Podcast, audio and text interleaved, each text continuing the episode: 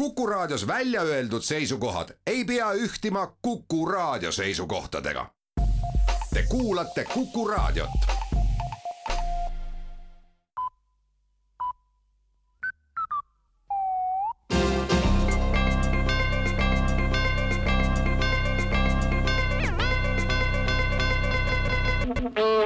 tere kuulama uudiseid stuudios Rohke Debelak. Eesti Metsatöösturite Liit on esitanud valitsusele riikliku julgeolekukava, milles kutsutakse ametkondi üles lubama senisest aktiivsemat metsaraiet ja seda ka arvukatel looduskaitsealadel. ajad on ärevad ja mets on alati Eesti rahvale kaitset ja varju pakkunud, praegu on aga metsas nii palju puid, et inimesed ei mahuks vajadusel metsa ära metsatöösturid on aastaid püüdnud inimeste jaoks metsa ruumi teha ja metsa erinevates vormides jalust ära ka välismaale viinud ja tasuks on seni olnud ainult raha ja ei mingisugust tänu ega mõistmist, märgitakse vastavas pressiteates. siseministeeriumi vastavad allüksused on üle vaadanud riigi kriisitagavarad ja hinnanud ka elanikkonna toidujulgeolekualast valmisolekut. kuigi suurel osal elanikkonnast ei ole kodus arvestatavaid varusid, siis mobiilseid varusid hinnati heaks elanikkonna keskmine kehamassi indeks lubab häda korral loota pikemale vastupidamisele.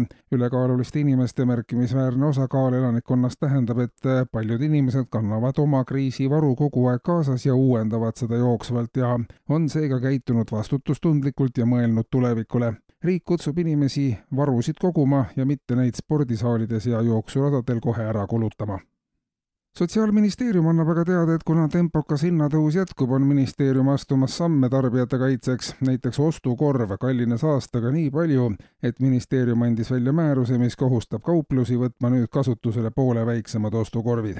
see annab võimaluse, et inimene saab oma ostukorvi täis poole väiksema kuluga kui hinnad veelgi kerkivad, siis tehakse ostukorv veel poole võrra väiksemaks ja lõpuks jääb korvist alles ainult sang aasta pärast on hinnad kasvanud nii kõrgeks, et ostmise asemel hakkavad inimesed raha eest asju poes ainult vaatamas ja nuusutamas käima. pool tundi kulinaarialeti ees nuusutamist hakkab maksma orienteeruvalt seitse kuni üheksa eurot ning maaelust. maaeluministeerium ja seakasvatajad kohtusid ja leppisid kokku, et Eesti seakasvatust saab päästa uuendusliku lähenemisega sektorile. plaani kohaselt hakkavad kõik praegu veel töötavad sigalad tööle loomaaedadena.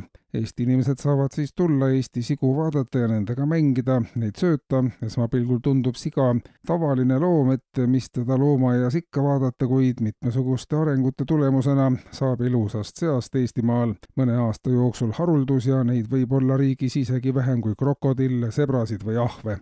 Üleminek seakasvatuselt loomaaiandusele on Maaeluministeeriumi sõnul sektori ainus ellujäämislootus ja Sotsiaalministeeriumi värske uuring lükkab ümber paljud varasemad uuringud, mis väitsid, et suurem osa inimesi elab palgapäevast palgapäevani nüüd on tehtud kindlaks, et elatakse ainult kuus kuni seitse esimest päeva pärast palgapäeva, edaspidi tuleb periood, mida võib nimetada lühidalt, mis elu seega on perioodiks. täiel rinnal saab elada kolm esimest päeva pärast palgapäeva.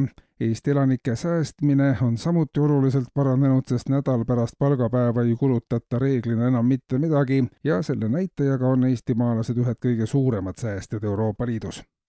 kuulsite uudiseid